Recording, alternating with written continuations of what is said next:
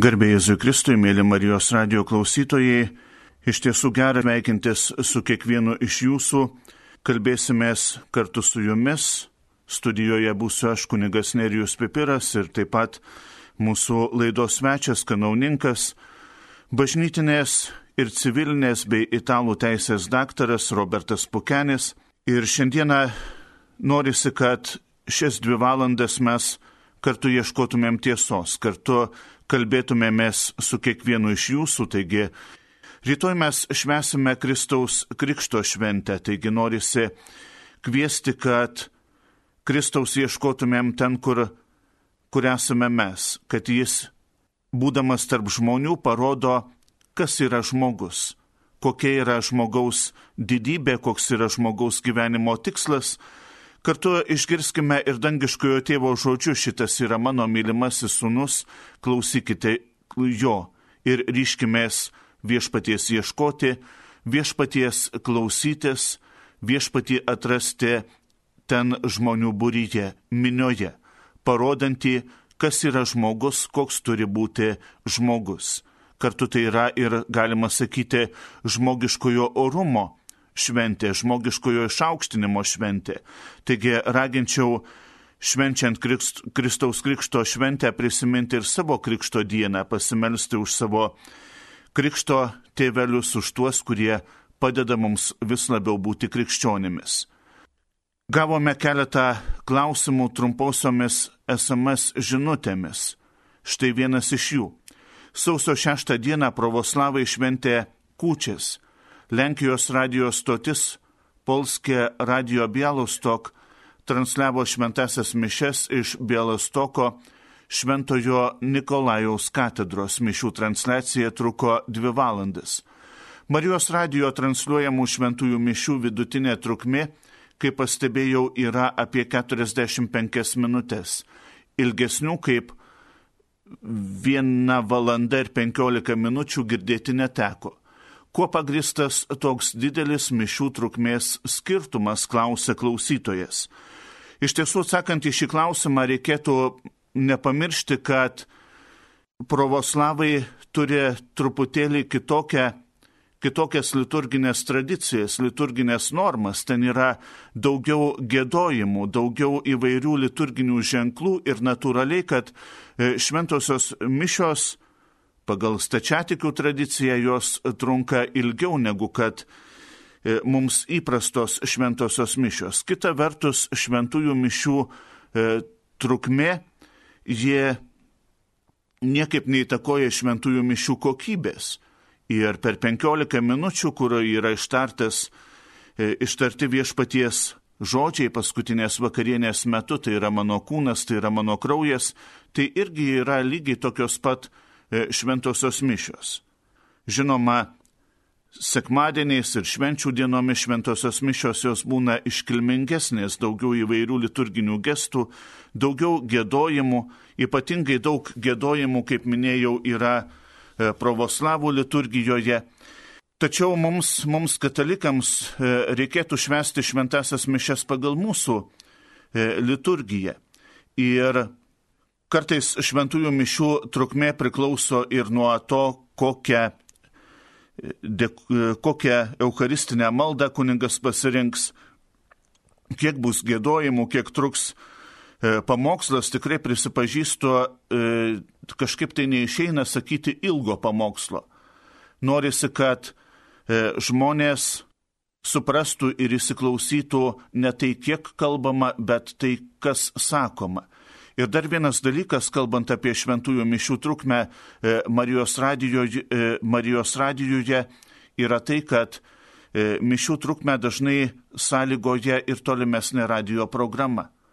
E, iš tiesų, Marijos radijas tengiasi, kad vienas programos elementas neužliptų ant kito programos elemento ir panašiai bet visuomet, kai yra transliuojamos iškilmios šventosios mišios, jos stengiamasi, kad jos būtų transliuojamos iki pat pabaigos. Taigi, e, iš tiesų, pas mus dažnai šventosios mišios yra trumpesnės, bet tai, e, tai nereiškia, kad jų prastesnė kokybė ar dar kažkas. Gavome dar vieną klausimą. Auxiliaras, ordinaras, metropolitas.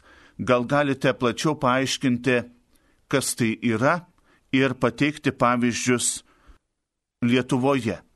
Taigi, ką tik tai e, žinutėje išvardinote e, vyskupų, e, sakytume taip, titulus, metropolitas, tai yra katalikų arkivyskupas valdantis metropoliją. Seniau turėjęs kokią nors realią valdžią metropolijos vyskupams, dabar tai yra daugiau garbės titulas. Lietuvoje yra dvi metropolijos - Vilniaus, arkivyskupas metropolitas Gintaras Grušas ir Vilniaus metropolijai priklauso ne tik tai Vilniaus viskupija, bet kartu ir Panevežio ir Kaišėdorių viskupija. Ir kita arkiviskupija yra Kauno arkiviskupija, Kauno arkivyskupas metropolitas yra Kestutis Kievalas. Šiai arkiviskupijai priklauso ne tik tai Kauno, viskupija, bet ir Šiaulių, Vilkaviškio ir Telšių viskupijos. Metropolitas gali nešioti tam tikrą liturginį drabužį palijų ir palijų gali nešioti savo e, metropolijoje liturginių apieigų e, metu, tai yra metropolito ženklas. Vyskupas ordinaras e, yra vyskupas, kuris valdo viskupiją. Vyskupas auxiliaras išvertus į lietuvių kalbą šį žodį reiškia padėjėjas, padedantis. Paprastai auxiliaras padeda ordinarui. Šiuo metu Lietuvoje mes turime e, du e, vyskupus aux, auxiliarus, tai vyskupas Arūnas Poniškaitis ir vyskupas Darius Trijonis, kurie yra Vilniaus arkivyskupo metropolito Gintaro Grušo auxiliarai. Dar viena žinutė - bažnyčioje vyrams privaloma būti be kepurių. Kada kepurę privaloma nusimti žiemos sąlygomis? Vos įėjus į šventovę, dar neįėjus per bažnyčios duris ar vos įėjus į bažnyčios vidų. Iš tiesų mes turime labai gražią tradiciją, kada nusimame kepurę pasisveikindami su, su žmonėmis, pagerbdami tą žmogų e, ir iš tiesų E, ko gero tai yra e, labai svarbus priminimas, kodėl mes ir bažnyčioje turime nusimti kepurę. Jeigu pagerbėme žmogų, tai turime pagerbti ir patį Dievą, kuris, kuris yra su mumis, kuris su mumis pasilieka, su mumis būna kartu.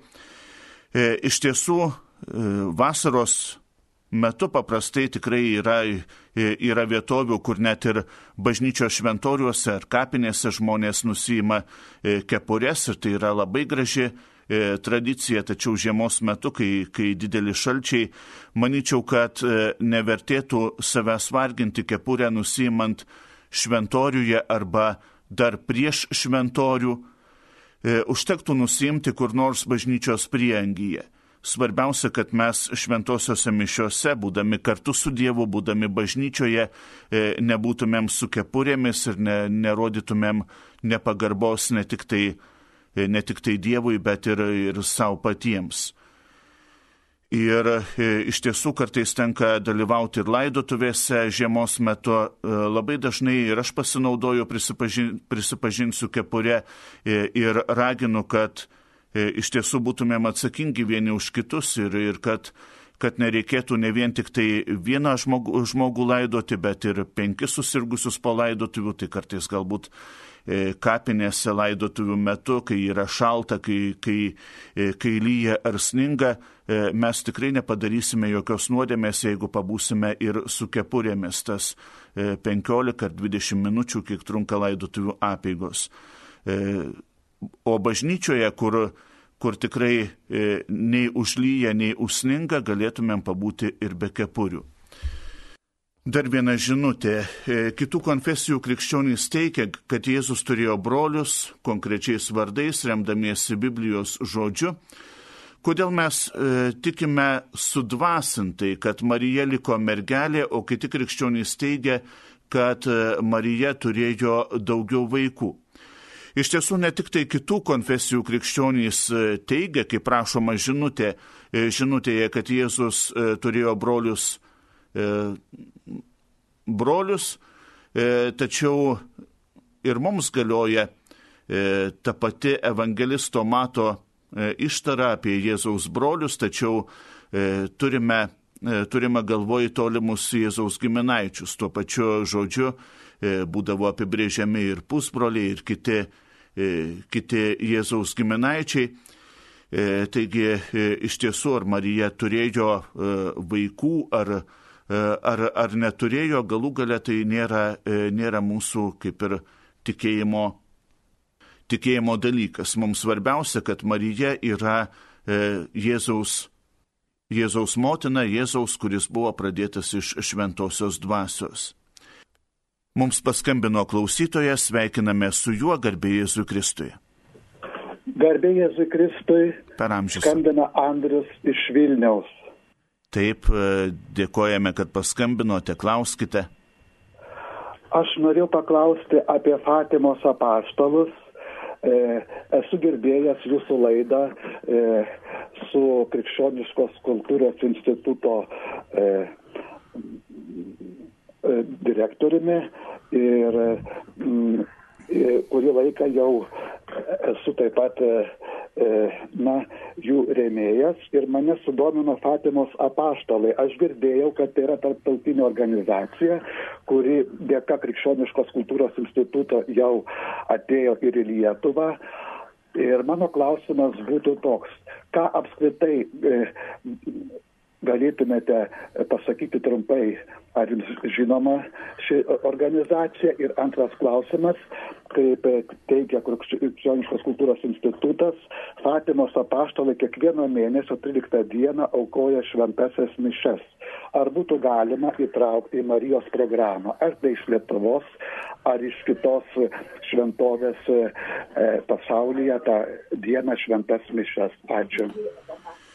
Iš tikrųjų, apie šią organizaciją turbūt kiekvienas lietuvis e, turėtų žinoti. Tai yra e, krikščioniška organizacija, pavadinimo turbūt taip staigiai ir nepasakysiu, bet e, tai yra ta pati organizacija, kurie e, mūsų nepriklausomybės pradžioje surinko per 5 milijonus parašų remiančių mūsų e, nepriklausomybę.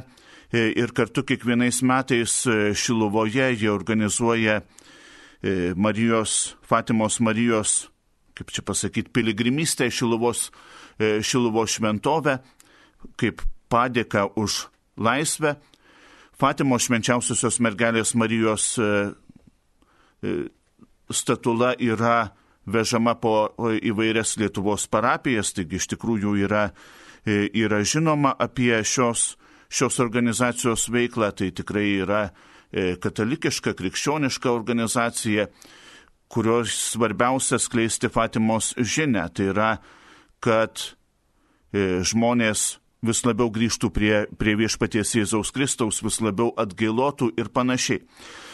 E, žinoma, galima turbūt ar paskelbti, ar, ar ar kažkaip padaryti šventųjų mišių transliacijas nors, kurio nors mėnesio 13 dieną, tačiau nereikia pamiršti, kad E, kiekvieno mėnesio 13 dieną yra transliuojamos šventosios mišios iš Šiluvos ir ši, e, ši tradicija taip pat yra e, gimusi iš Fatimos tradicijos melstis kiekvieną, kiekvieno mėnesio 13 dieną. Tiesiog amžinos atminties vyskupas Juozapas Žemaitis 1900 man atrodo, 81 metais įvedė šią tradiciją Šiluvoje.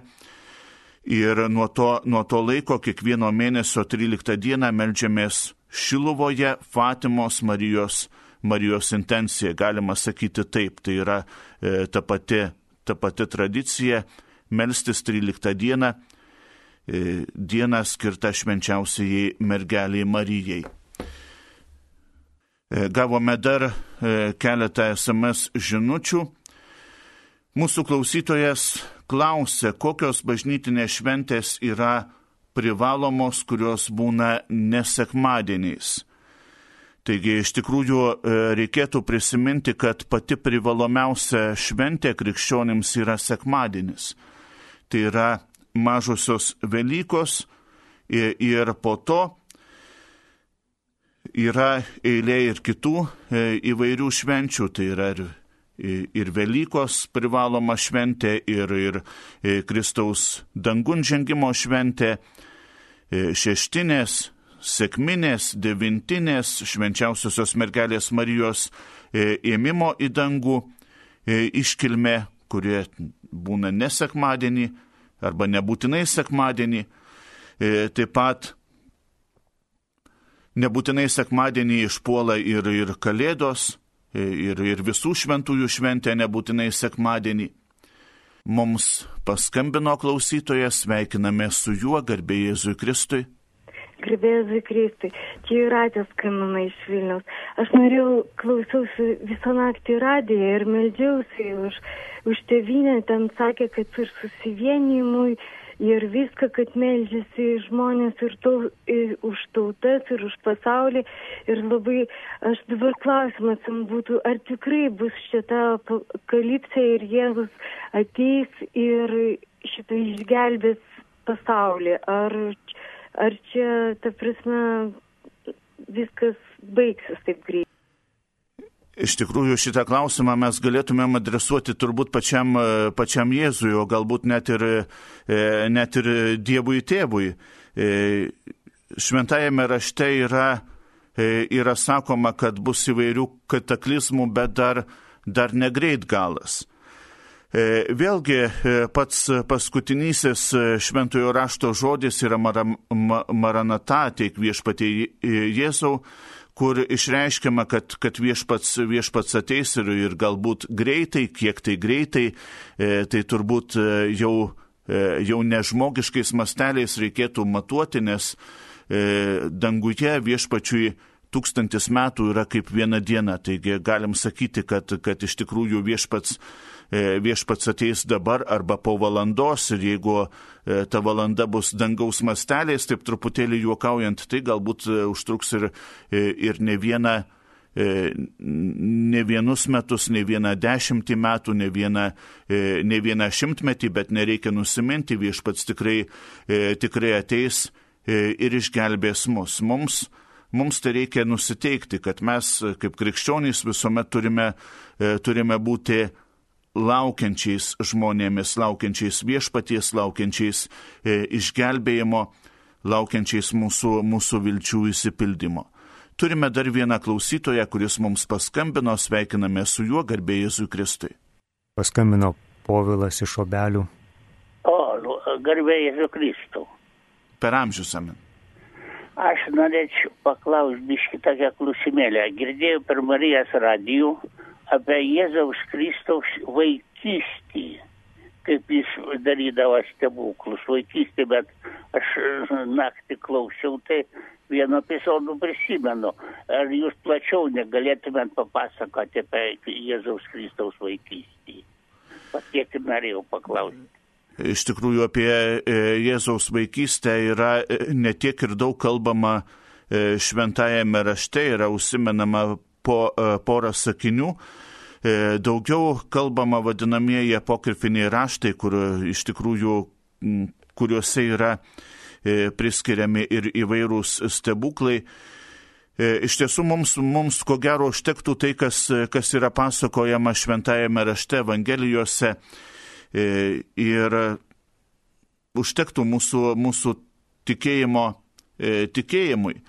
Svarbiausias dalykas, kad Jėzus, Jėzus buvo klusnus E, Juozapui ir Marijai, kad Jėzus augo metais išmintimi ir malonė Dievo, e, Dievo ir žmonių akise, kad Jėzus e, buvo kartu su Juozapu, kai jis ką nors, ką nors veikė.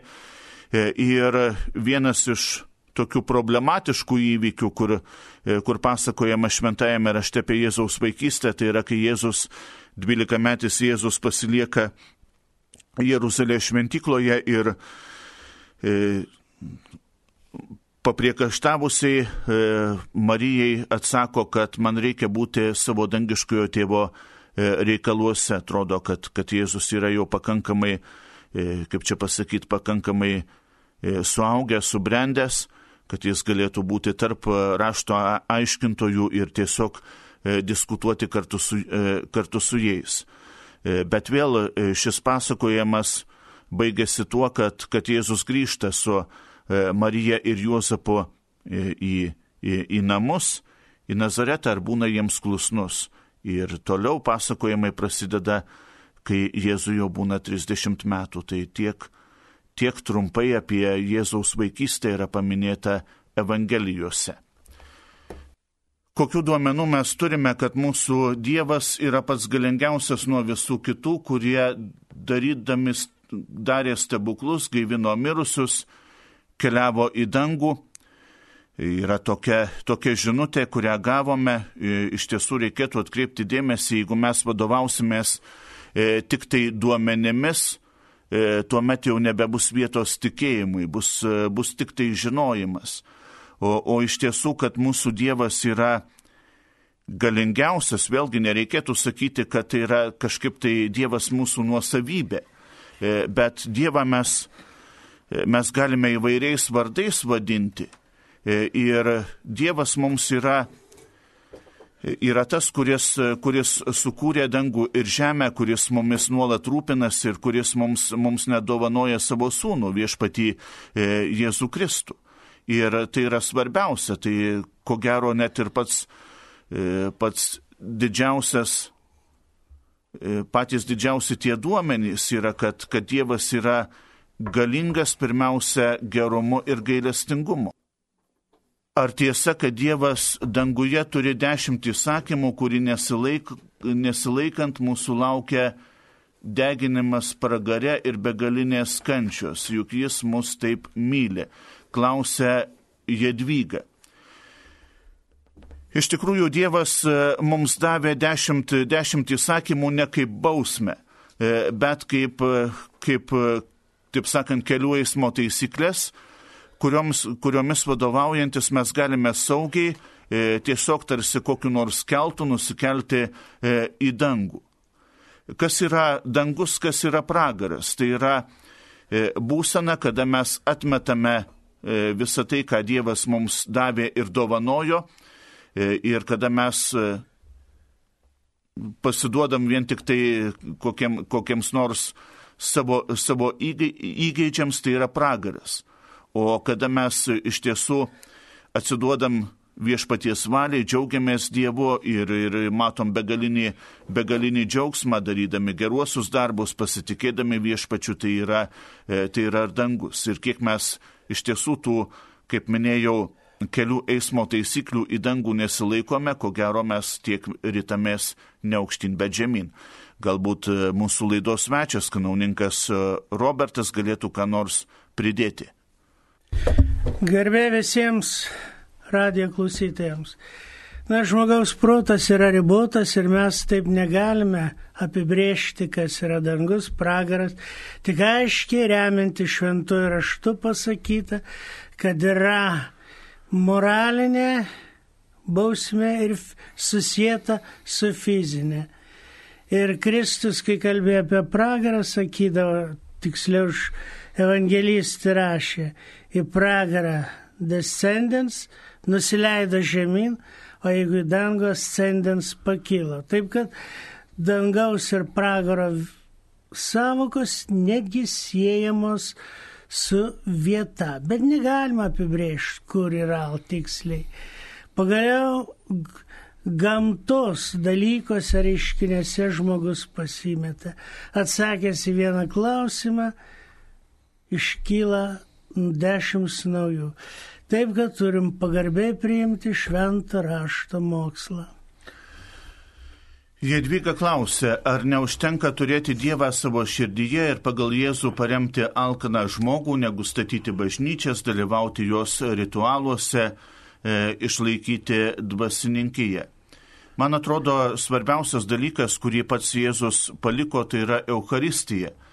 E, ir mums, kad mes galėtumėm gyventi krikščionišką gyvenimą, mes turim pirmiausia priimti patį, patį viešpatį Jėzų Kristų kaip duoną.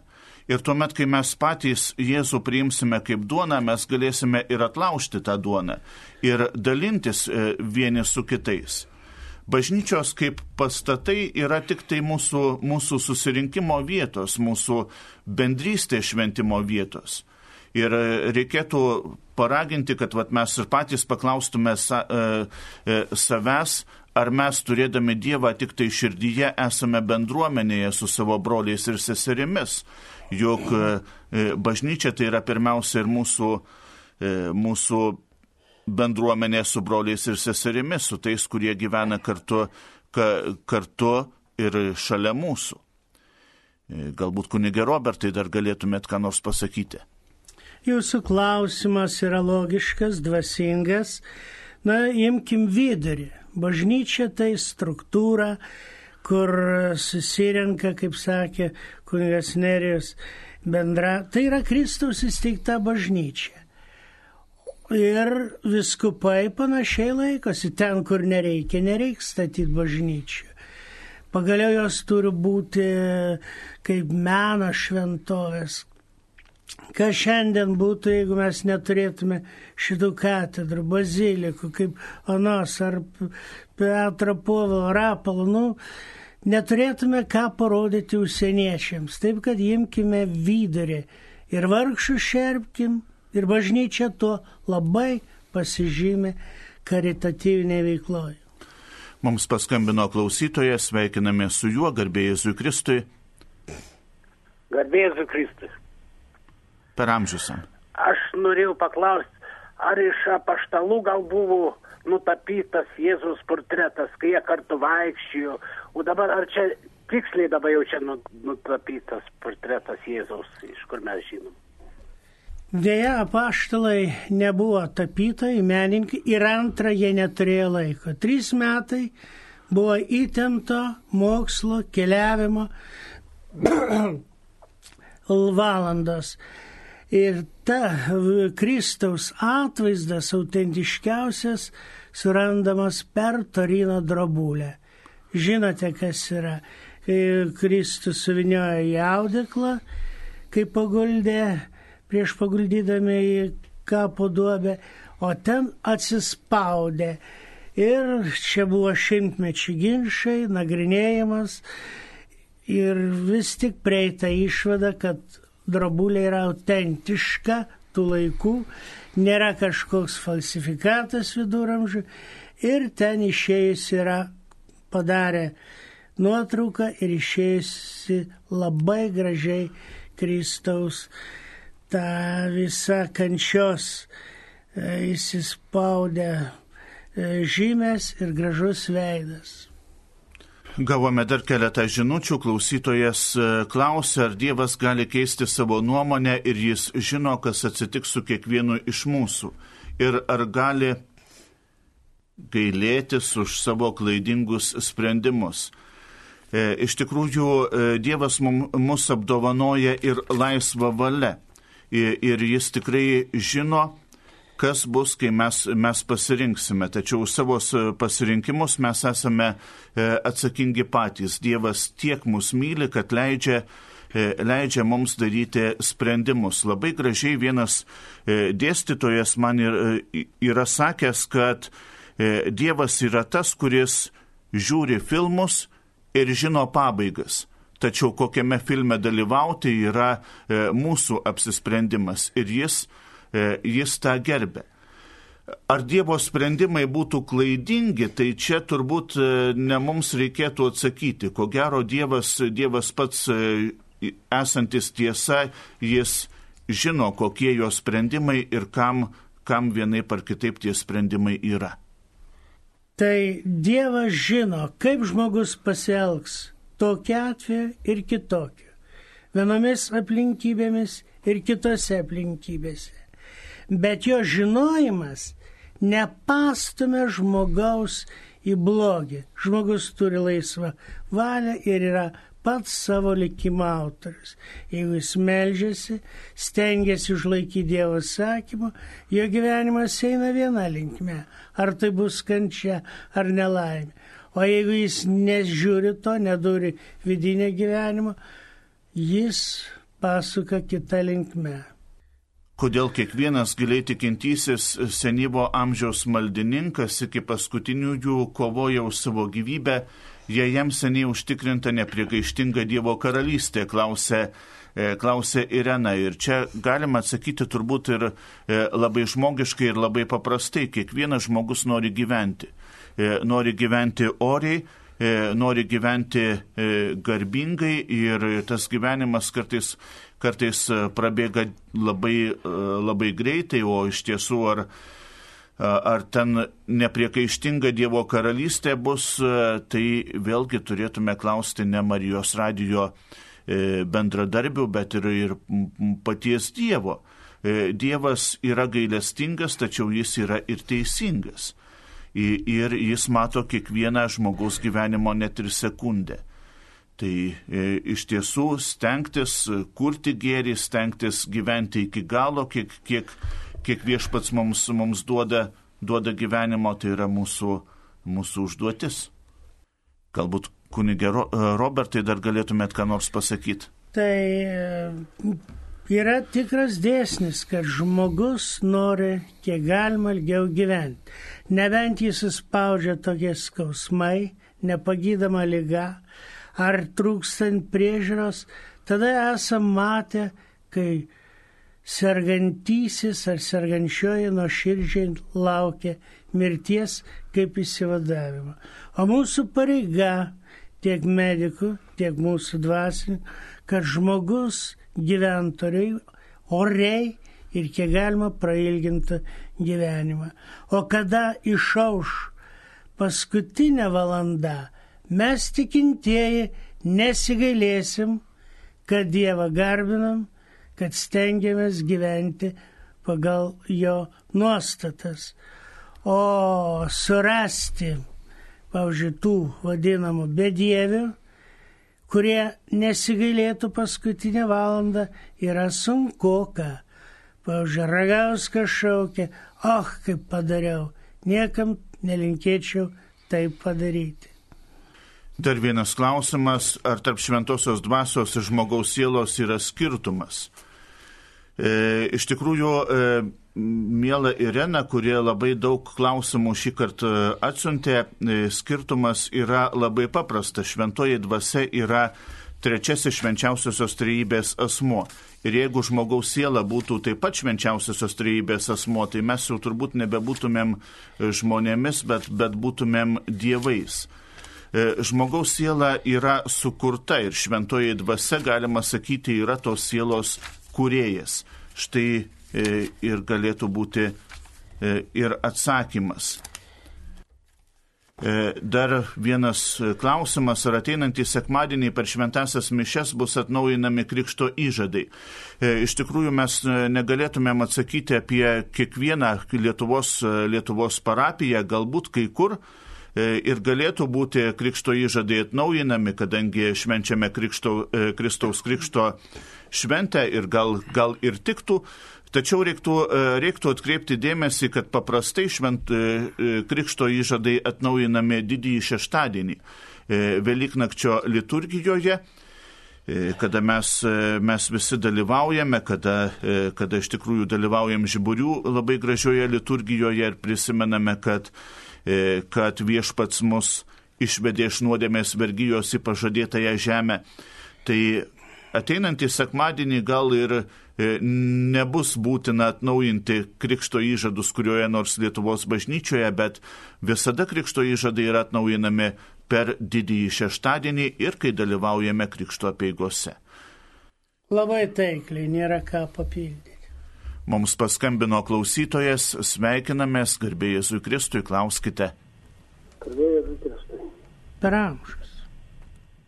Tai Juozas iš Kauno norėjau tokio klausimo, žinot, nu, įsivaizduokim, aš, sakykime, viešuoju transportu e, važinėjau, nu, sakykime, dovanai zuikį, kaip keleivis, ką man mokėti, čia gal pravažiuosiu, kai viską, nu, sakykit, ar, ar tai yra, e, sakykime, ta nuodėmė pagal 10 dievo įstatymų nevok gal aš žinau, piknaudžiauju, kad ir iš valstybės valdžių ir, ir, man, ir man reiktų, sakykime, ir išpažinti šitą, šitą dalyką. Tai toks būtų klausimas.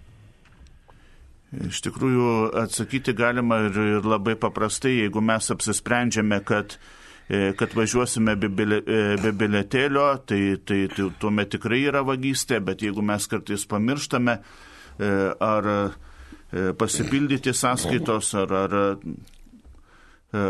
ar tą padarom netyčia, tai, tai nėra labai didelė nuodėmė. Aišku, tai yra E, galbūt kartais ir sukrečiantis dalykas, kuris, e, kuris mūsų pareigos kitą kartą būti, būti tvarkingesniais ir atsakingesniais. Mes turime Lietuvos valstybę, jau mūsų institucijos, taip kad mes patartume biletą pirkti arba išmušti. Tačiau, jeigu, sakykime, jums skurdas, ar jums kažkiek valstybė ten apsuko kažkas tai, kažkoks pasitein, pasiteisinimas prieš Dievą būtų ir tikrai devulis neuskaitytų nuodėmės. Bet jeigu kontrolierius patikrina, labai nemalonu. Dar vienas klausimas, ar Dievui tikrai reikalingi pinigai, kurių reikalauja dvasininkai, nustatant e, tarifus už paslaugas? E, na, jeigu Dievas sukūrė pinigus, tai gal, galbūt jie ir, reikalingi, bet vėl tada šitą klausimą mes turėtumėm e, nukelt į amžinybę, kai jau būsim amžinybė ir galėsim e, Dievo paklausti visko akis į akį. O, o ar yra kokie nors tarifai, kur nustato dvasininkai, tai e, čia laidoje dalyvauja du dvasininkai ir aš galėčiau pasakyti, kad aš tai tikrai nežinau. E, tačiau kartais, e, kartais reikia tam tikros aukos, kadangi dvasininkai negauna iš valstybės e, jokių, jokių pinigų, jokios, jokios algos, jokių, jokių pensijų. Ir žinot, kad net ir duonos, duonos kepalasgi kainuoja. Taip pat ir tos mūsų E, gražiosios bažnytėlės, bazilikos, jos e, e, reikia jas išlaikyti, reikia jas remontuoti, vėlgi kainuoja. Ir lygiai taip pat mes labai dažnai norim, kad, kad bažnyčia viską mums pateiktų ant lėkštutės. Tačiau apieigų metu dažnai dalyvauja ne vien, ne vien kunigas, yra ir daugiau kunigų yra ir zakristijonas, yra ir, ir, ir vargonikas, kurie, pavyzdžiui, kokiuose nors laidotuvėse ar vestuvėse turi atsiprašyti už, e, iš savo darbų, jeigu juos dar turi. E, ir jų pragyvenimo šaltinis taip pat, e, taip pat yra tie pinigėliai, kurie, kuriuos mes, mes paukojame už, už maldą. Na, o tiksliau galbūt galėtų, galėtų kunigas Robertas lab, tiksliau paaiškinti bažnyčios teisė, tai yra kanonai, apibrėžia. Pinigai reikalingi ir turi būti panaudojami klero išlaikymui, liturgijai, čia apimam ir bažnyčią, karitatyviniai veiklai, labai daug bažnyčia remia, na ir gal daugiau individuali, moksliniai, šiaip meno, e, menininkus, nu žodžiu, kad pinigas nebūtų priemonė, bet ne tikslas, bet priemonė padėti daryti gerą. Gal jūs nukreipkite kritikos strėlę į pasitaikančius tuos, kurie, nu, nesilaiko ir ima tarsi lupikauti. Pasitaiko, pripažinkim, bet tai čia nei viskupai, nei jie to nenori, nei mes, kad būtų tokių atvejų gavome dar keletą žinučių, viena iš jų. Kiek kartų per dieną Dievui melstis tikinčiam žmogui ir kokiu laiku, kiek ilgai, jeigu klausau Marijos radijo, tai, tai ir malda. Iš tikrųjų, melstis Dievui mes galime nuolatos ir, ir net ir atlikdami kokį nors, kad ir mažiausią darbą, jeigu mes jį paskiriame Dievui, didesniai Dievo garbiai, tai taip pat yra e, malda kokiu laiku, kiek ilgai melstis, e, tai manyčiau, kad e, svarbiausia, kad malda netaptų našta. Bet aš e, prisižadu ten 15 rožančių sukalbėti, bet ir nesukalbu. Tai, tai tokia malda jau tampa našta. Galbūt kartais sukalbėkim vieną rožančių arba vieną tėvę mūsų, bet nuo pradžios iki galo ir apmastydami, ko melžiamės, ko prašome, tai tuomet bus galbūt kiek ir trumpesnė malda, bet, bet tikra malda. Taigi nebijokim ir tų tų trumpų maldų, į kurias, kurias mus kreipia ir, pavyzdžiui, šventoji Faustina, sakydama, kad, kad mums reikia tik tai prašyti pasitikėjimo viešpatie Jėzau pasitikiu tavimi. Yra viduramžių vienuolių desnis, kuris galioja ir šiandien, ir tinka visiems. Ora et labora, dirb ir melskis. Čia turi būti harmonija, vidurys. Pasitaiko, mes esame parapijose matę žmonių, kai, sakykime, moteris ištekėjusi, nebūna šeimoje, bet visur nori dalyvauti visose rožinio e, bureliuose, o vyras pyksta, ne, ponė, tavo pirmoji pareiga būti šeimoje, atlikti motino žmonos pareigas. Ir yra tokių, kurie dirba, dirba, neturi laiko pasimelis, vėl lieka tuštuma. Taigi sekmadienį švenčiant žmogus privalo kompensuoti, jeigu praleido kasdieninės maldas šiokiadieniais ir dar galima trumpai pasimelsti einant į darbą. Dieve myliu, Dieve aukoju tau šią dieną, laimink mane, duok man jėgų neįsišauk, jeigu kieno aštrus charakteris. Ir tai bus nuoširdi, konkreti malda ryšys su Dievu. Dar viena žinutė, ar bažnyčia apie Dievą žino viską, ar gali palaiminti, atleisti nuodėmės e, ir taip toliau. Iš tikrųjų, atsakant į šitą klausimą, e, reikia, e, reikia nepamiršti, kad mes apie Dievą žinome tiek, kiek Dievas mums pats apie save apreiškia. E, ir jis parodo save kaip Kristų. Kristaus veidą, Kristaus, Kristaus veido bruožus, jis parodo save ir kenčiantį, ir mylintį. O kad e, bažnyčia gali atleisti nuodėmės, tai yra šventajame rašte e, yra tokie Jėzaus žodžiai, kam atleisite nuodėmės, tiems jos bus atleistos, o kam sulaikysite sulaikytos. Tai reiškia, e, ne kiekviena nuodėmė gali būti e, atleidžiama, gali būti nuodėmė ir sulaikyta. Labai svarbu, kai mes švenčiame atgailos sakramentą, kad mes gailėtumėmės ir, ir ryštumėmės keistis. Nuodėmė bus sulaikyta tuo met, kada, kada iš tikrųjų, nors mes ir ateiname prie, prie klausyklos, bet sakome, kad aš ir, aš ir toliau gyvensiu taip, kaip gyvenau ir man E, man viskas gerai, tai tuomet nuodėmė jinai e, nėra, e, nėra atleidžiama, yra, jinai yra sulaikoma taip pat ir tai, tai gali liesti ir, ir santokinius dalykus ir, ir, ir panašiai. Svarbiausia, kad mes norėtumėm, kad, kad tos nuodėmės, tos klaidos būtų atleistos. Galbūt kunigė Robertai dar galėtumėt kažką pasakyti. Prisimenu garsaus profesoriaus, seminarijos rektoriaus Viktoro Butkaus paskaitą. Jis sakė, pikčodžiavimas prieš šventą dvasę jau savaime žmogų užblokuoja gailėjimus. O jeigu tu nesigaili, Dievas netleis. Tai Čia yra tokių žmonių, kur vien keiksmai, vien tratata, dar gyvenimas e, apsunkintas kitų aplinkybių. Tai čia jau mums sunku pasakyti, ar Dievas jam atleis, o gal jis paskutiniam valandą labai šauksis. Čia yra tokie dalykai, kur mes kalbam, mastom saliginai, bet visada remiamės pagrindinė šventuoju raštu. Tai yra, kaip sakė, Dievas apreiškė save ir evangelistai užrašė Kristaus veiklą Dievo apreiškimo būdą. Dar vienas klausimas, ar protas kaip gyva tiesa ir tikėjimas gali egzistuoti kartu?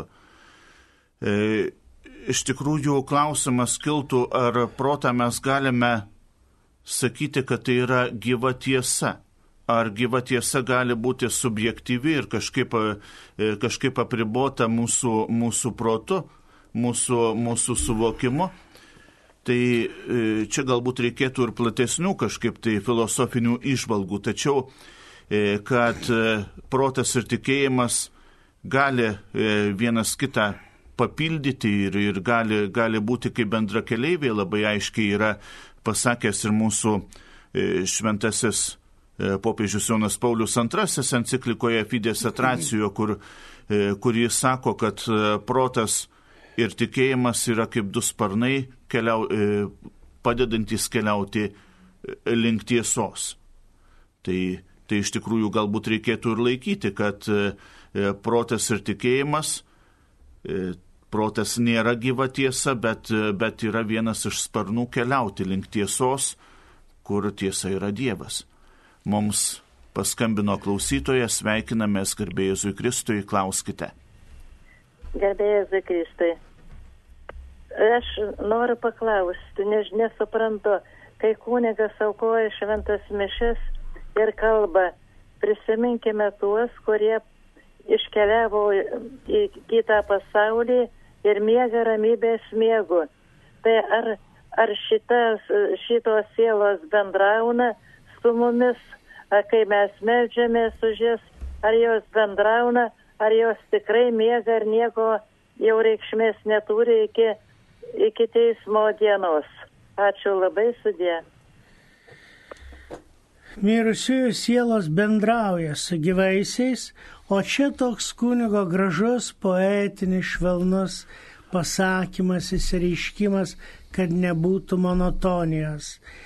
Ir dar mes to neskelbėm, nes sakys, va, čia norim iššūką.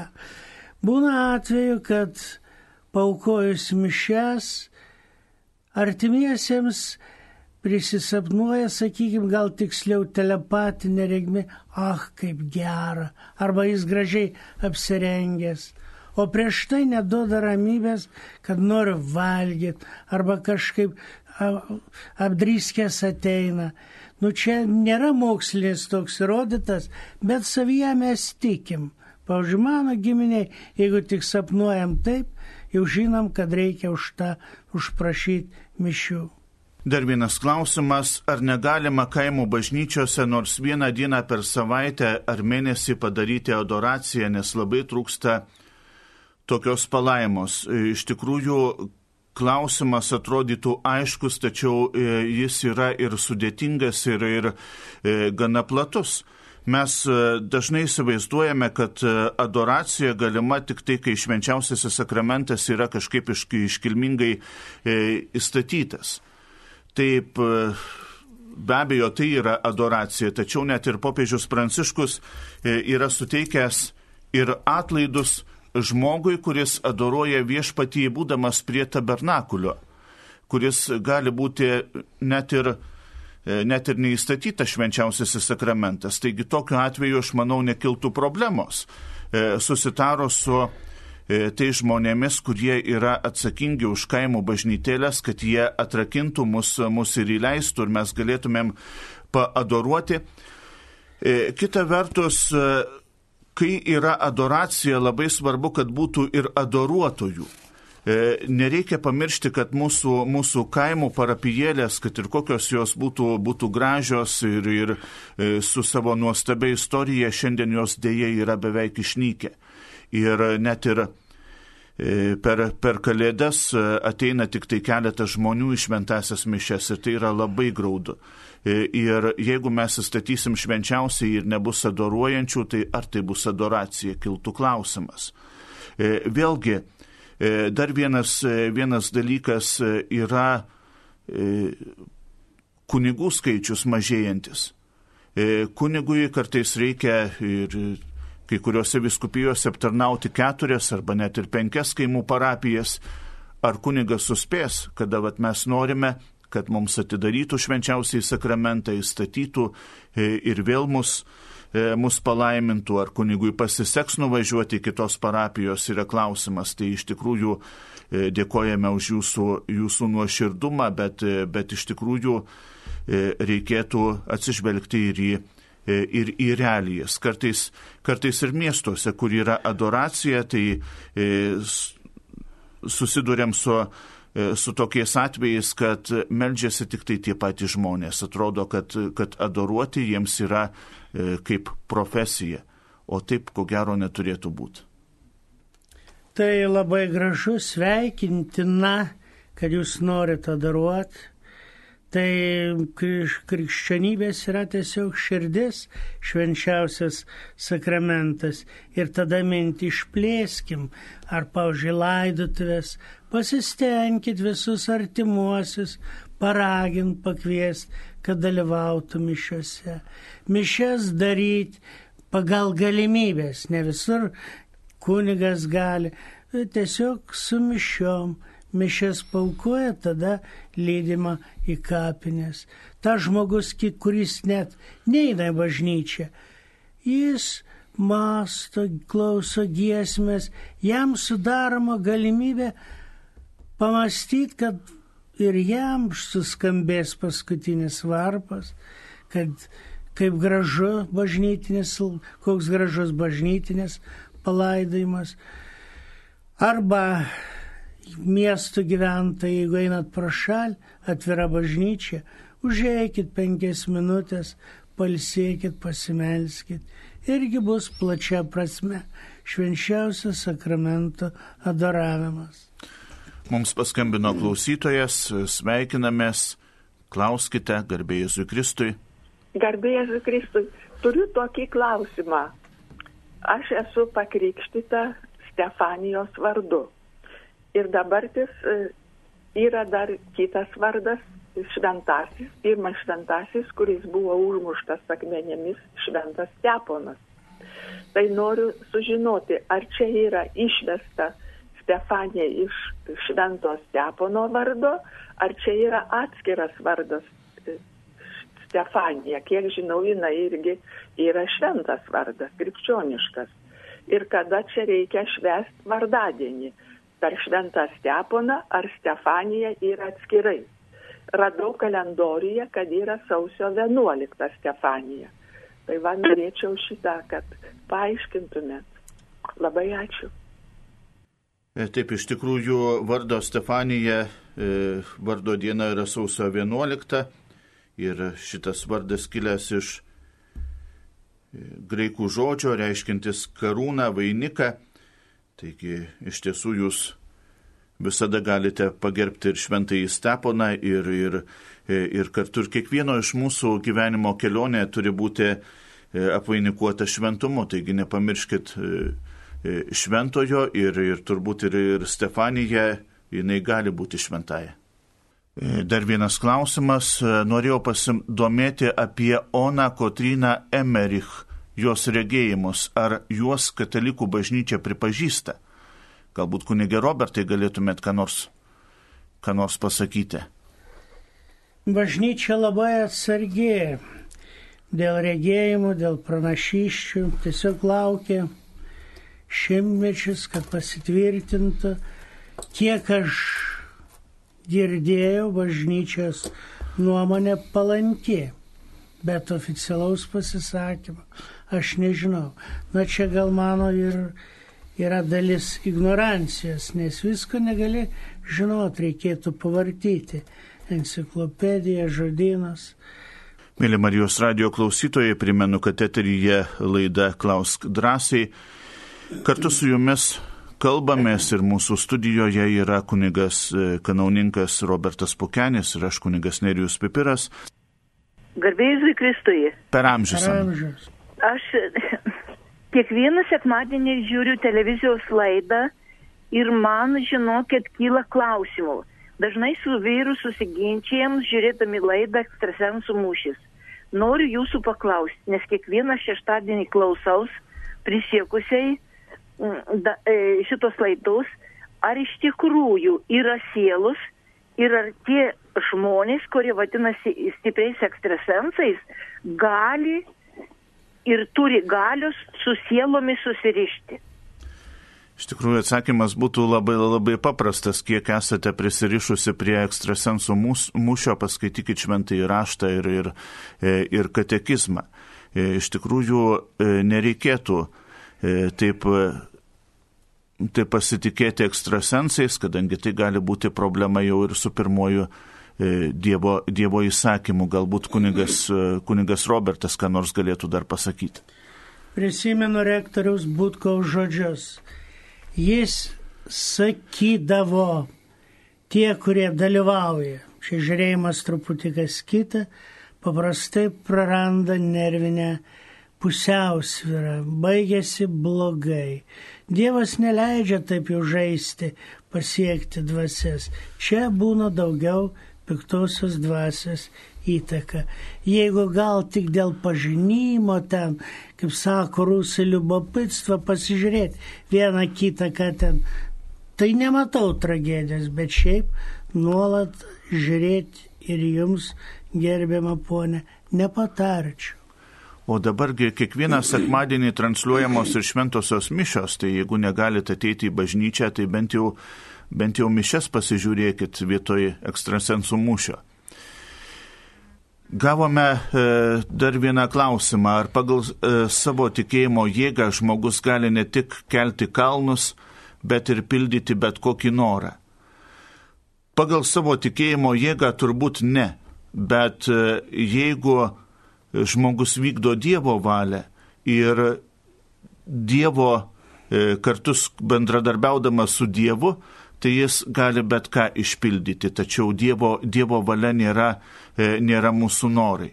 Ir kartais, e, vat, kai mes pasižiūrime į savo asmeninę, tikė, į savo asmeninę istoriją, mes turėtumėm ir nustepti, ar, ar, ar tiek pasiekti, kiek mes pasiekėm, tiek išgyventi, kiek mes, mes pasiekėm, mes galim vieni, ko gero vieni nelabai, bet, bet su Dievu tikrai, e, tikrai mes galime. Taigi mums kaip krikščionims tas didžiausias tikslas turėtų būti, kad mano norai e, sutaptų su viešpaties norais, o tuomet tikrai viskas, viskas yra įmanoma. Tik, tikinčiam viskas galima.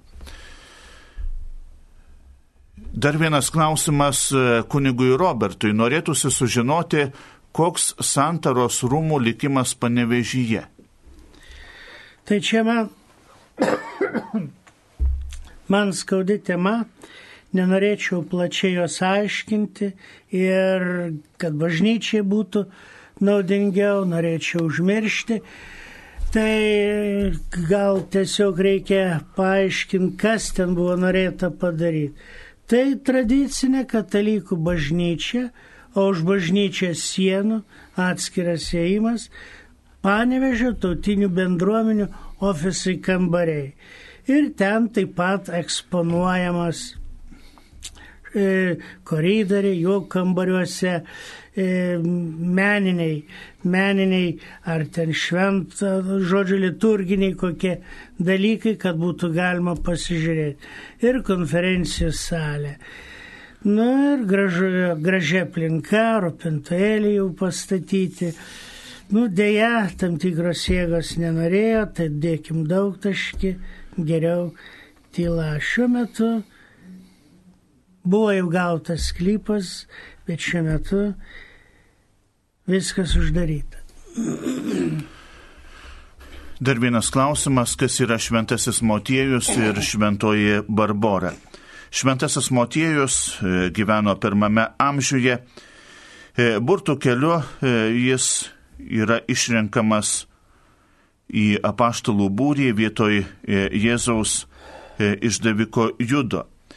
Jis taip pat buvo Jėzaus Krikšto Jordane liudytojas, taip pat jo žengimo, žengimo į dangų liudytojas ir tokia jo E, jo biografija, iš tiesų, kaip ir kiekvienas apaštalas, e, mirė kankinio e, mirtimi.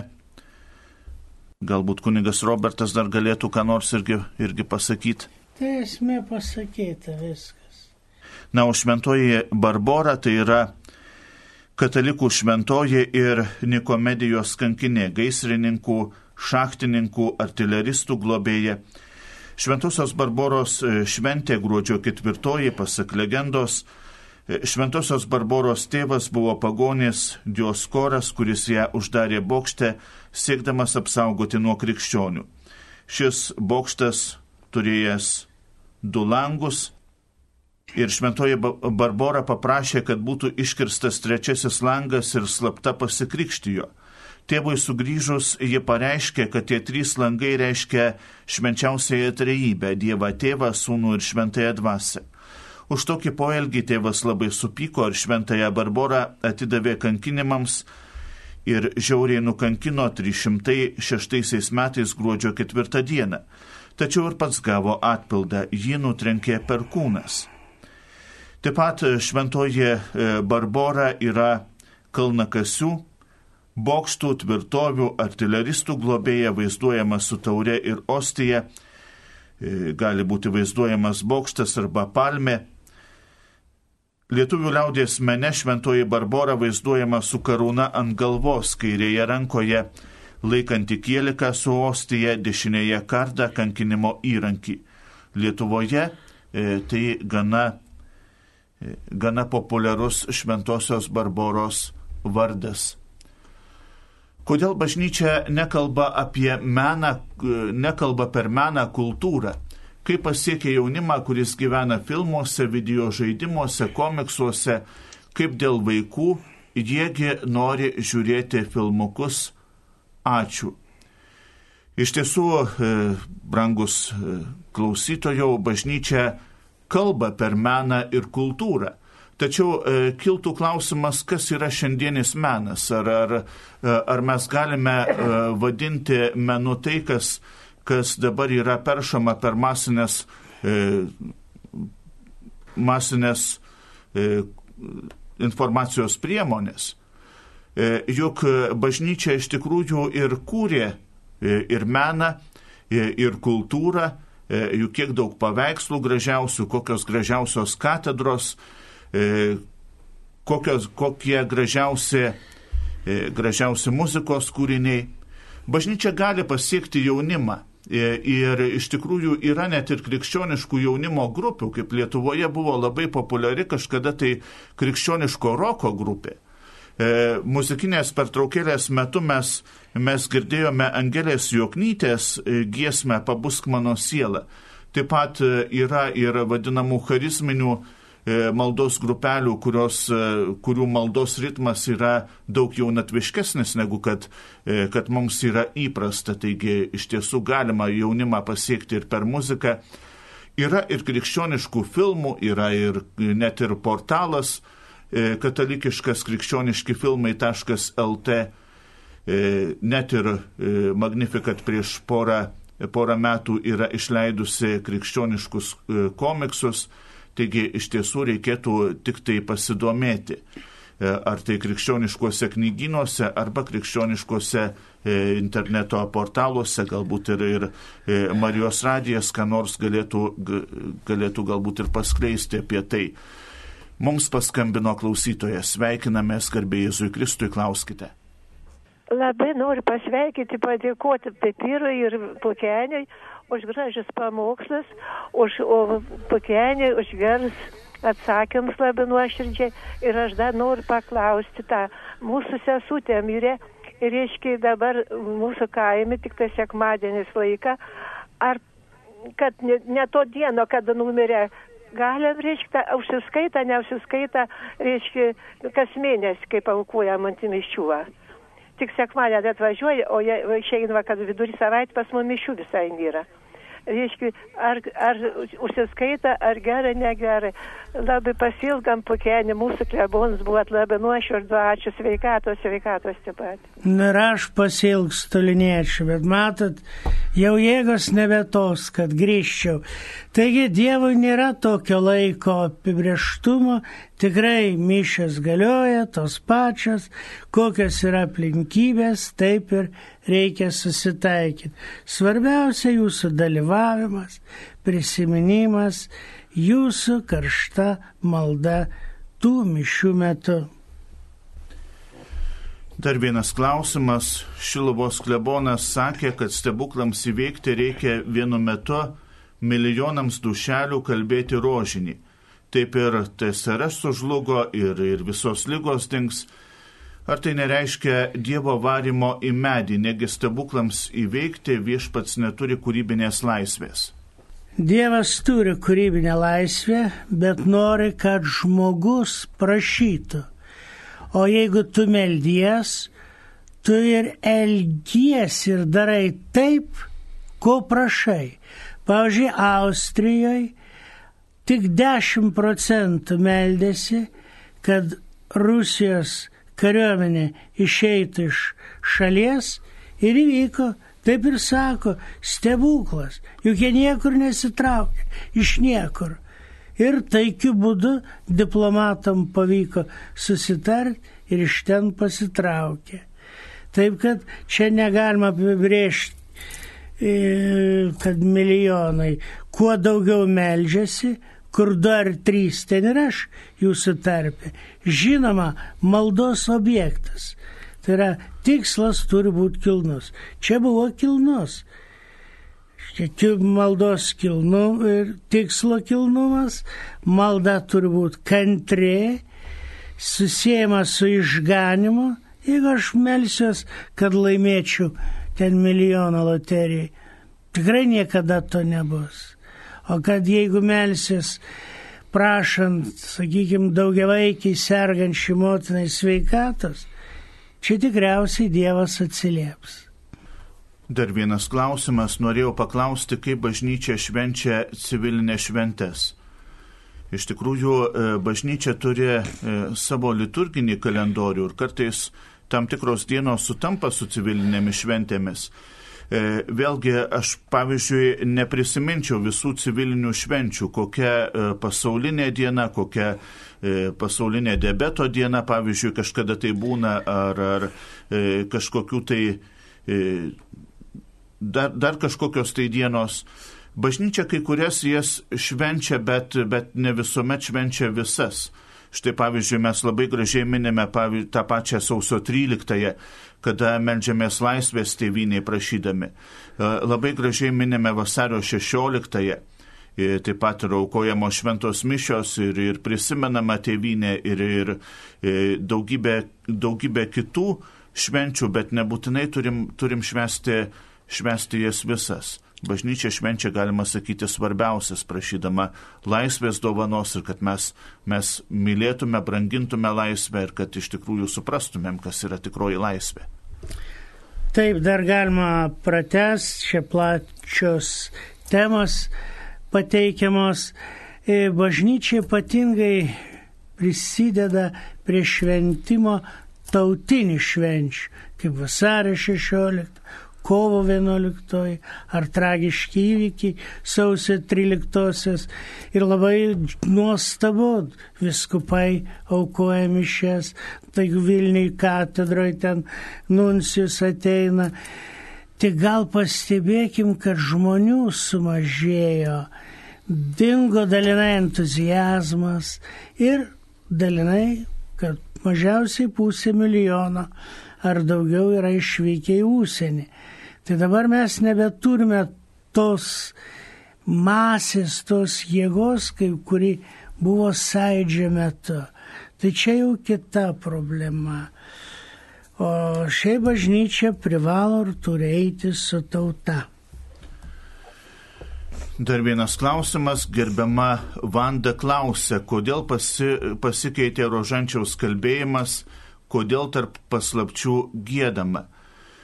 E, iš tikrųjų, mėla Vanda, reikėtų priminti, kad dar 2002 metais e, šventasis popiežius Jonas Paulius II išleido e, laišką skirtą rožiniui, Rozarijo Marija Virginis, man atrodo jo toks pavadinimas, kuriame jis įvedė ketvirtąją rožinio dalį, tai yra šviesos slėpinius, ir nurodė, kaip kurią, kurią dalį reikėtų kalbėti. Taigi jau 20, daug, e, beveik 20 metų, kai mes, e, mes turime ke, ne tris, kur kažkada vaikystėje mokė, bet keturias rožinio dalis.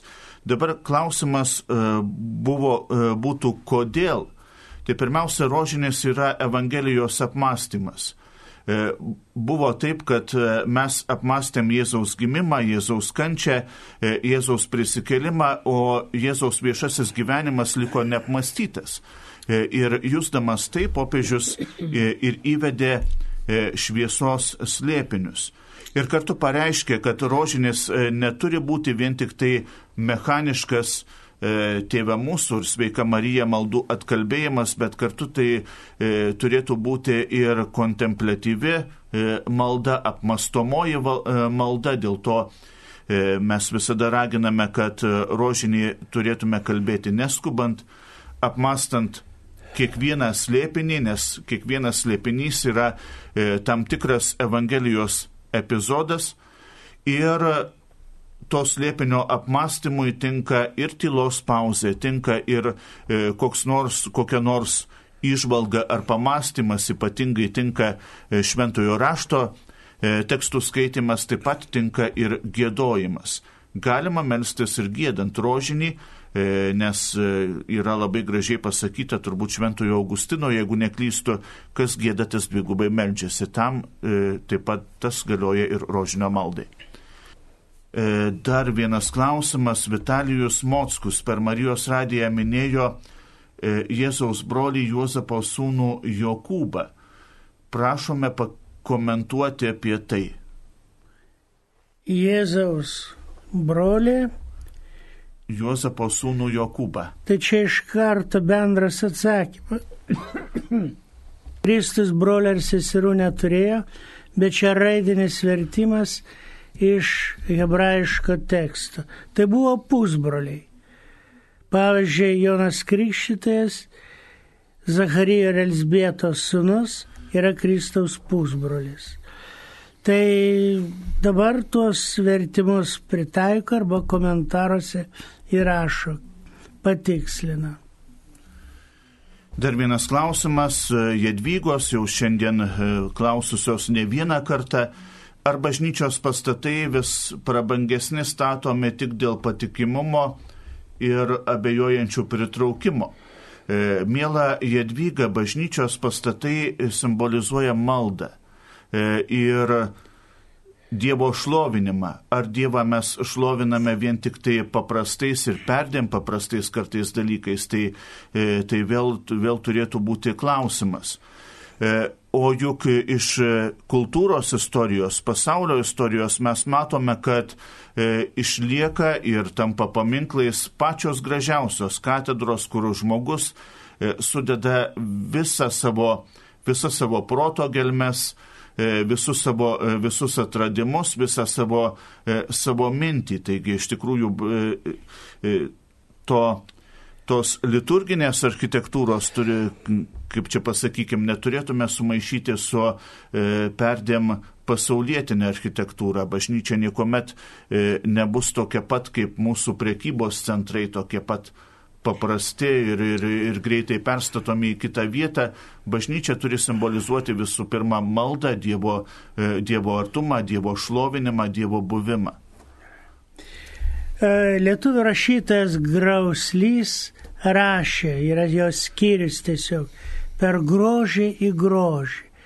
Jau šventovė pati savaime nuteikia žmogų tylai maldai. Žinoma, yra įvairiausių bažnyčių, bet principas, kad būtų gražu, patogu, kilnu, sakykime, negalima ten kažkokio tai plakato ar ką. Ir kad žmonės trauktų, palsėtų. Būtina šia, šiais laikais, kad bažnyčios būtų ir apšildytos. Dabar žiemas nešaltas, silpnas, netiek daug ir kūras kainuoja. Yra įvairiausių būdų apšildyti. Mums paskambino klausytojas, sveikinamės garbėjai Jėzui Kristui. Garbėjai Jėzui Kristui. Čia Teresė iš Vilniaus. Mėla Teresė, klauskite.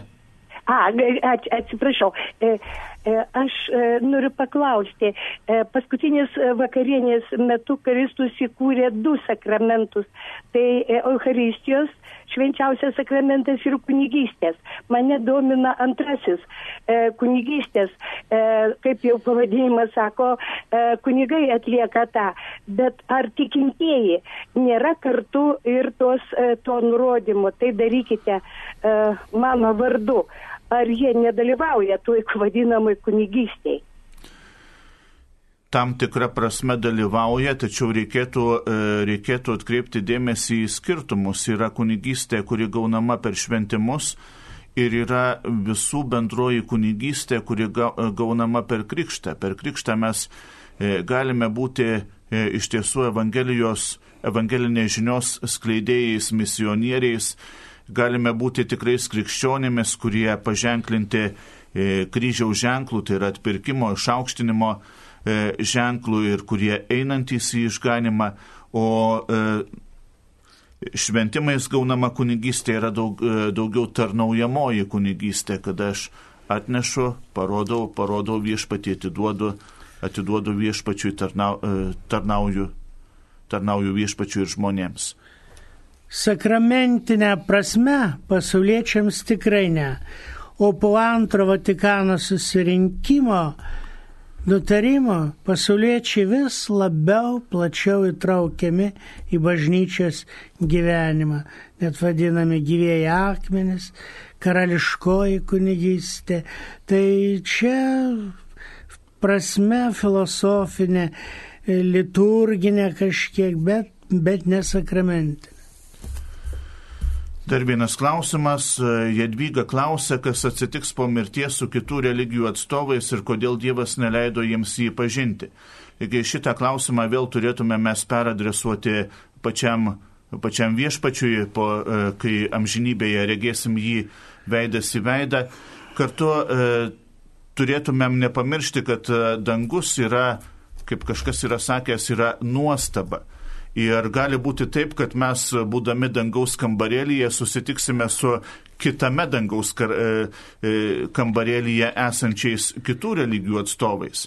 Juk e, Dievą mes, mes galim pažinti, žmogus gali pažinti įvairiais aspektais ir negalim sakyti, kad e, kažkas, kuris buvo stačiatikis ar, ar, ar liuteronas, dievo, dievo nepažįsta. Jie taip pat pažįsta tačiau galbūt kažkiek tai kitaip negu mes, nes kažkada prisimenu tokį, e, tokį palyginimą, kad Dievas yra tarsi brangakmenis, kartais suspindintis viena, kartais, kartais kita spalva. Taigi e, iš tiesų vienai par kitaip Dievą pažįsta visi žmonės. Tai labai tiksliai pasakė kunigas Nerijos mintis ta, kad jeigu žmogus gyvena pagal sąžinę, Dievo įsakymus, kurie yra prigimtiniai, kuriuos pažįsta nesvarbu kokios tautos ar religijos žmogus, jis bus išgelbėtas, jeigu jis blogo nedarė. Jis nieko dėtas, nekaltas, jeigu kad gimė, sakykime, žydų šeimoje, musulmonų ar stačiatikių. Bet jeigu jis nesilaiko to vidinio gyvenimo, tada Dievo nuostatos amžinajame arba paskutiniam teisme yra vienodos.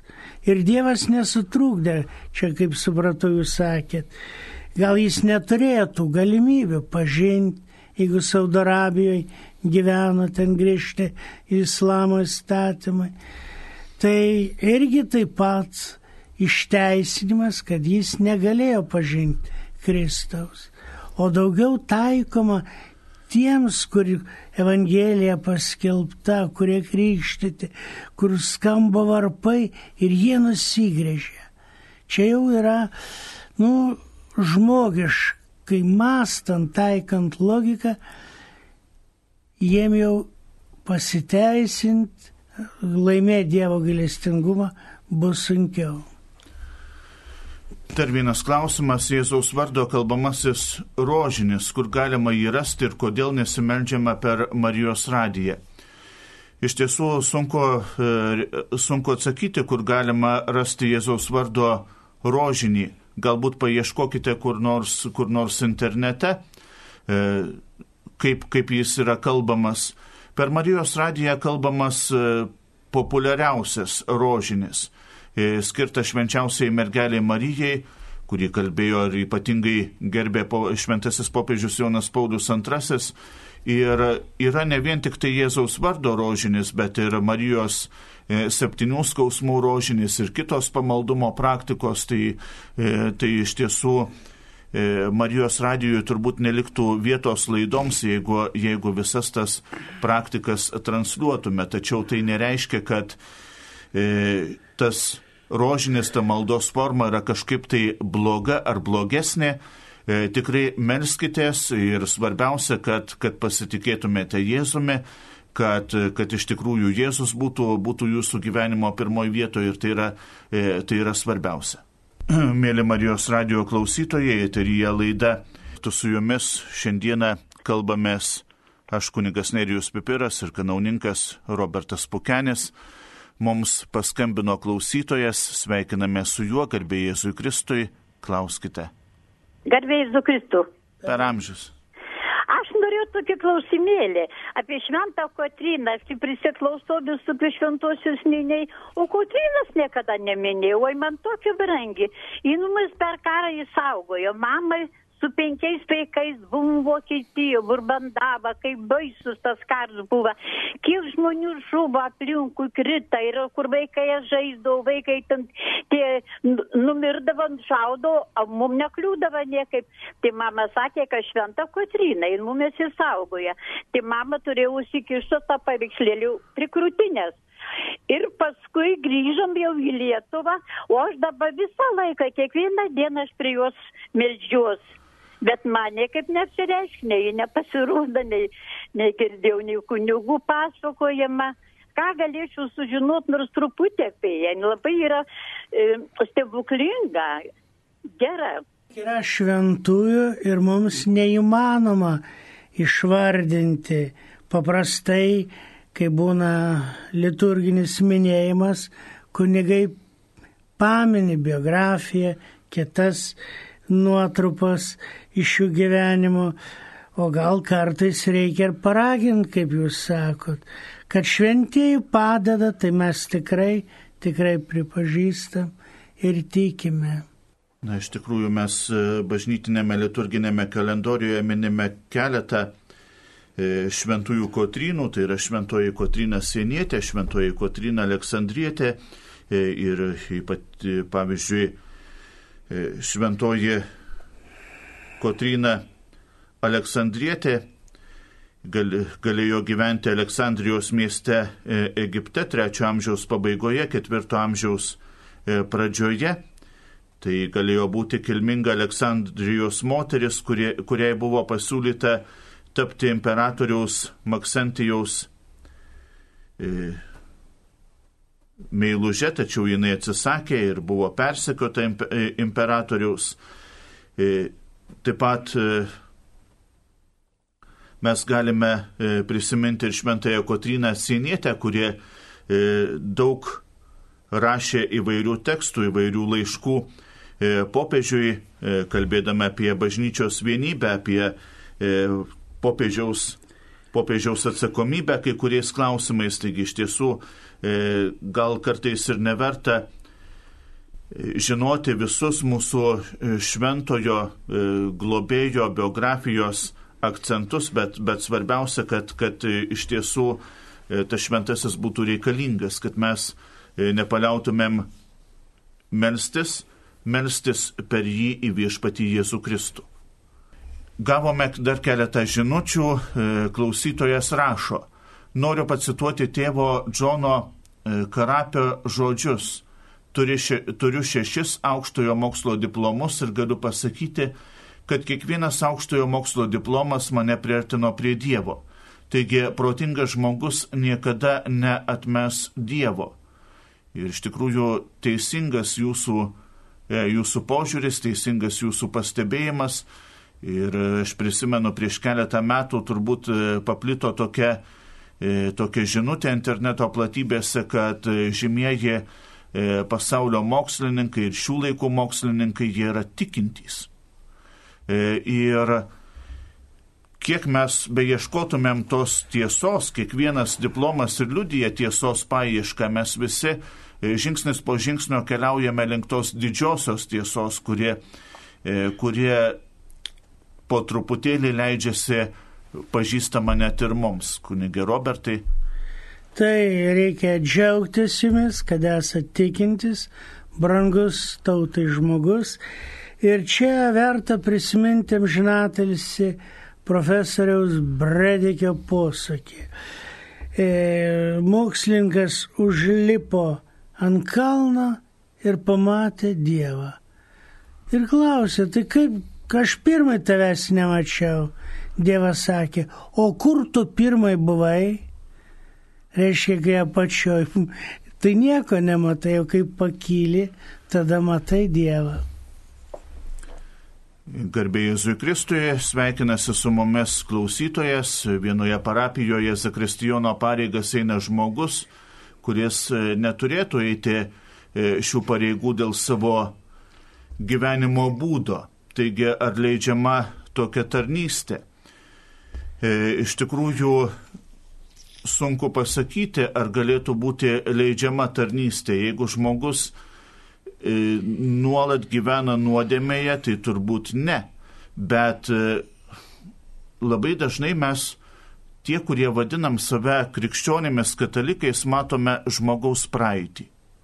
E, žmogus, žmogus klydo, žmogus, žmogus neteisingai gyveno ir atrodo, kad jis pasikeisti ir, ir, ir atsiversti jau nebegali. Taigi iš tikrųjų, jeigu e, žmogus atsivertė, jeigu jis kažkada tai e, buvo įsiskyręs, jeigu jam dužo šeima, e, jis, jisgi gali savo gyvenimą statyti, statyti iš naujo.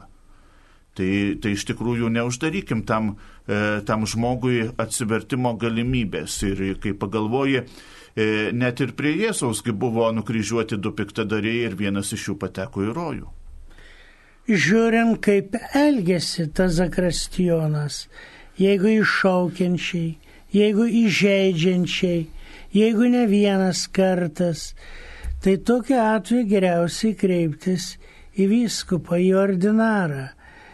Ypatingai dabar Kauno arkiviskupas jautrus, kad bažnyčia būtų harmonija, tvarka ir e, zakrastionai bendrai ar vargoninkai yra bažnyčio žmonės, tarnai. Jie irgi tam tikrą prasme privalo ir jie paštalauja. E, dar vienas klausimas, garbė Jėzui Kristui yra teiginys, kad reikia kurti sėkmingos ateities vizijas. Ar sėkmė visada reiškia Dievo valią? Gal lyga, nelaimė, tai e, nuklydimas kad išgirščiau Dievą. E, iš tiesų e, raginčiau, kad mes kiekvienas krikščionis e, pirmiausia išbandymą, sukrėtimą priimtumėm kaip Dievo dovaną. Kartais mes gyvendami taip užsiciklinam savo, savo įvairiuose reikaluose, kad nebematom, nebematom Dievo ir nuo jo nusigrėžiam ir Dievui nelieka nieko kito, kaip siūsti tam tikrą sukrėtimą, kad mes E, sustotumėm ir pamastytumėm. Taigi priimkim kiekvieną e, tą išbandymą, kiekvieną sukrėtimą kaip dovaną, kaip e, jūs, jūs ir patys rašote, kad išgirstumėte Dievo valią, kad išgirstumėte Dievą, kad, kad pajustumėte, ką reiškia Dievo valia, o Dievo valia galbūt kitokia nei mūsų valia. Dar yra toks posakis lotynų - žmogus planuoja Dievas tvarko. Tai geriausiai atlikim pareigas, kasdieninės, žiūrėkim šiandien, o Dievas pasirūpins. Dabar dažnai kyla klausimas, o kaip suprasti Dievo valią? Čia sunkuoka, o abstrakčiai tai atsakymas toks. Dievo įsakymai apibrėžia valią daug maž luomo pareigas, ar tu tėvas, ar tu dvasininkas, tai yra ar šeimos žmogus. Ir yra čia tavo pareigas, jų vykdymas Dievo valios, reiš, pildymas, taip pat profesinė. Jeigu tu mokytės, tu privalai mylėti vaikus, jiem parodyti ne tik tą profesinį ten pamokas, bet ir dorinę auklėjimą, tautinį. Tai va čia ir prasideda Dievo valios pildymas. Na, ir atsakymas į iššūkius. Pavyzdžiui, Lipniūnas atsakė aiškiai konkrečiai sakyklos, kad nevalia eiti į nacijų kariuomenę, parsiduoti dėl tabako ar dėktinės nu už tai nukentėjo. Tai buvo tuo metu iššūkis, kurio jis negalėjo nepriimti lėti. Čia plati labai tema, bet norint pajus Dievo valią, reikia daug maldos, tylos ir kartais prisipažįsta sunkuoka tam tikrais atvejais suprasti Dievo valią iki galo. Dar vienas klausimas - garbė Jėzui Kristui ir galima gauti ligonių patepimo sakramentą sergant sunkia onkologinė lyga, jei asmuo gyvena be santokos sakramento. Kunigė Robertai, galbūt jūs galėtumėte pakomentuoti. Taip, jeigu sunki lyga ir nežiūrint tos šeimininės padėties, galima teikti ligonio sakramentus ir priminti, kad pasveikus gal yra galimybė susitvarkyti. Ir iš tikrųjų kartais e, būna net ir tokių atvejų, kai e, ligoninės palatoje gavus visus leidimus, jeigu nėra kokių nors e, kliūčių teikiamas ir santokos sakramentas, tai, tai tikrai nebijokit to, to pirmiausia santykio su E, su kunigu, su galbūt kokias e, sielovados darbuotoja labai svarbu ir tai yra, tai yra pirmas žingsnis, kad mes leistumėmės užkalbinami. O dažniausiai Dievas, Dievas užkalbina ir mums siunčia labai daug dovanų.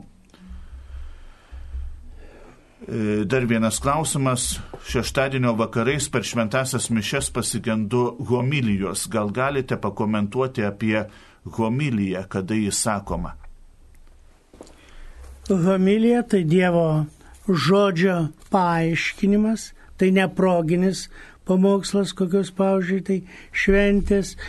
Nu, gražu būtina, kad e, kunigas ar nesvarbu, ar klebonas, ar ten pasakytų trumpą žodelį, pagerbtų čia atvykusius. Gal kitam sunku kalbėti ar ką. Nu, čia jau ne mūsų kompetencijai tarsi pareigo. Čia yra vyresnėji, yra viskupai, kurie tos dalykus žiūri, nori, kad kunigas atliktų pastoracinį darbą uoliai.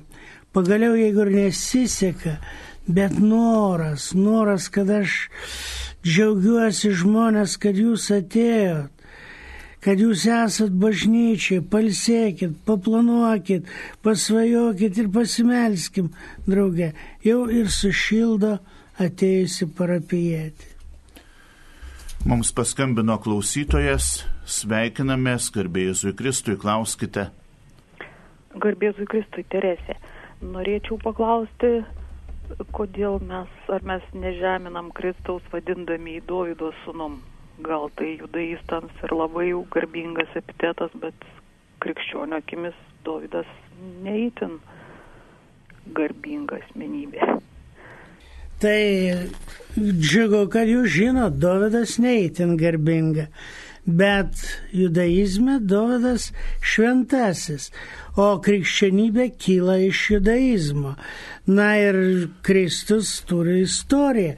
Tai kaip dabar mes galim išbraukti, pakeisti genealogijos medį. Tai čia tikrai nėra pažeminimo, nėra Kristaus kaip Dievo įžeidimo. Ir šiuo metu vis tik turim sartėti krikščionybė ir judaiz, judaizmo arba judėjiška religija, nes tai Abraominė, nuo Abraomo laikų. Abraomas patriarchas yra pradininkas judėjų, krikščionių ir paskui islamo religijos. Čia trys abraominės religijos. Nu čia truputėlį jau platoka tema. Taigi nebijokit, kas šventajame rašte pasakyta ir ką bažnyčia moko, neabejokite. Dar vienas klausimas, jeigu dosniai E, remsime piniginę auką bažnyčią, galbūt galima e, lengviau pasiekti Dievo karalystę. Na, iš tikrųjų toks įdomus ir, ir, sakyčiau, suktas klausimas tos pačios, to paties klausytojo, kur jau daugybę žinučių šiandien atsiuntė.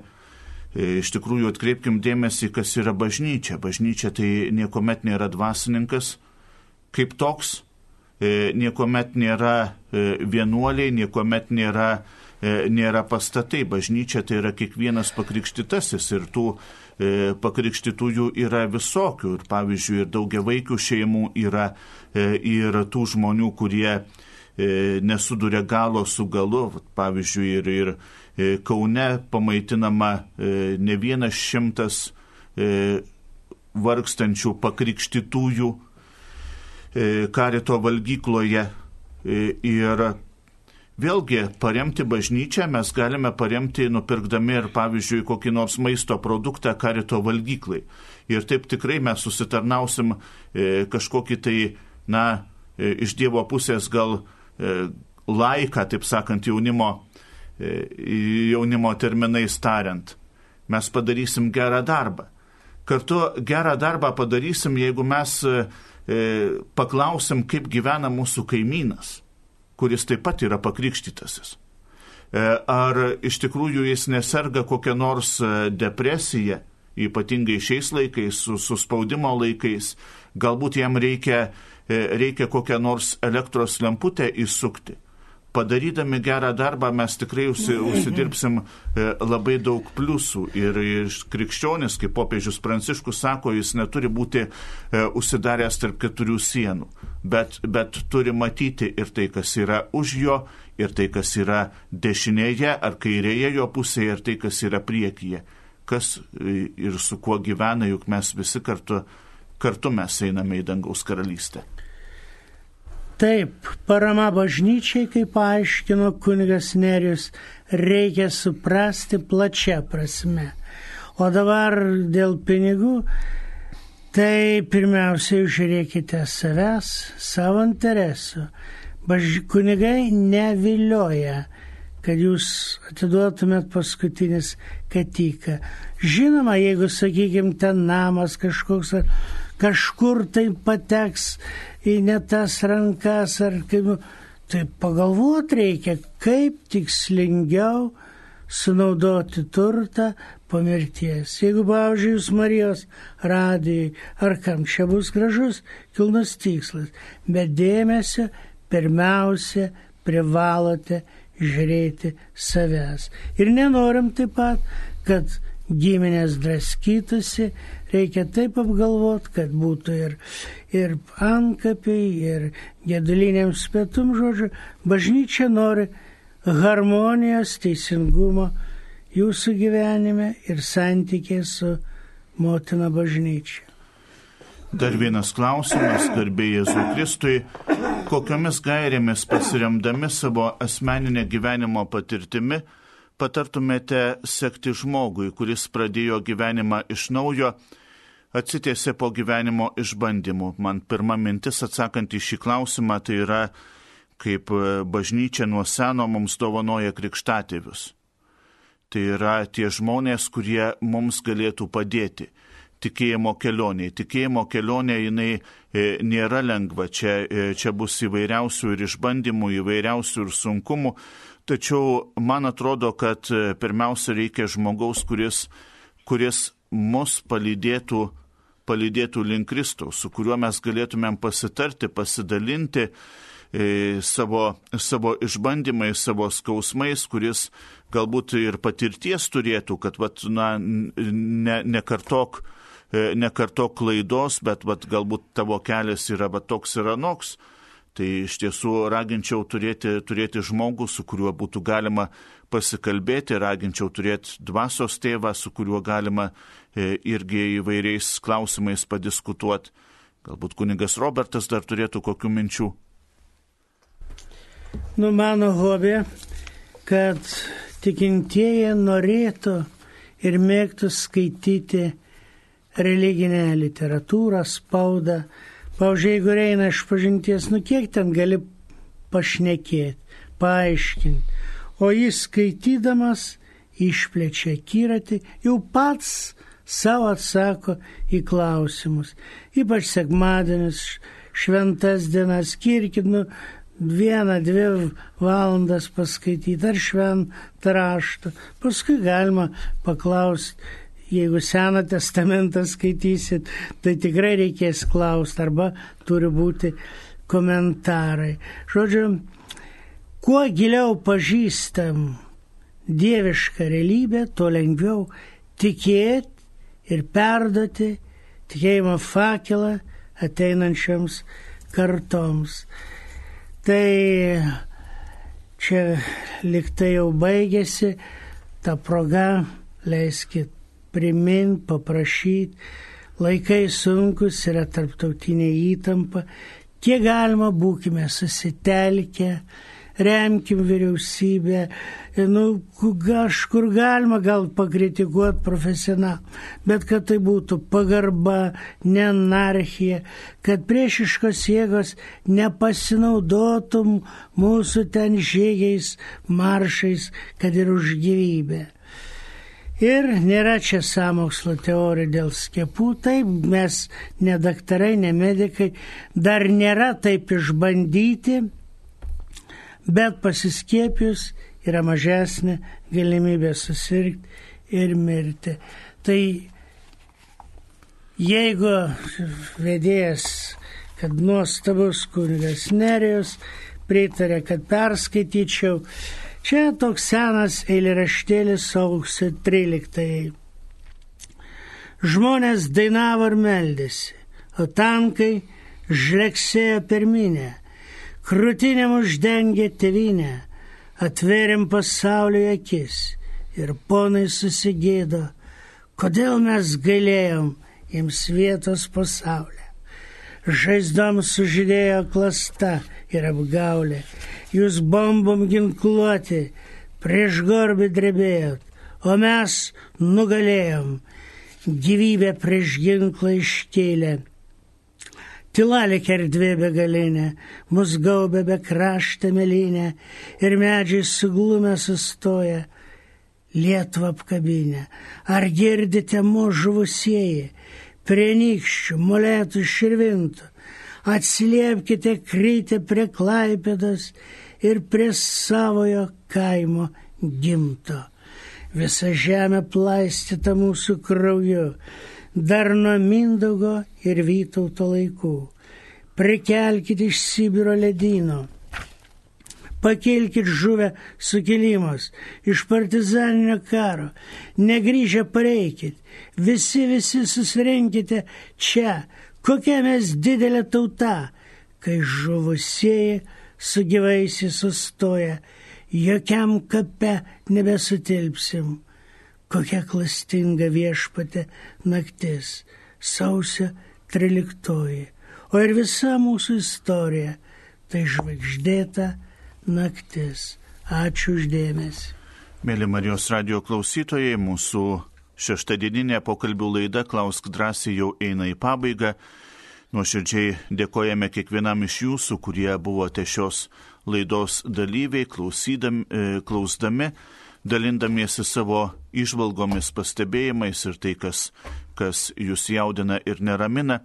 Šiandieną kartu su manimi kunigu Nerijumi Pipiru laidoje dalyvavo E, kanauninkas, bažnytinės ir civilinės bei italų teisės daktaras Robertas Pukenis. Garbė Jėzui Kristui.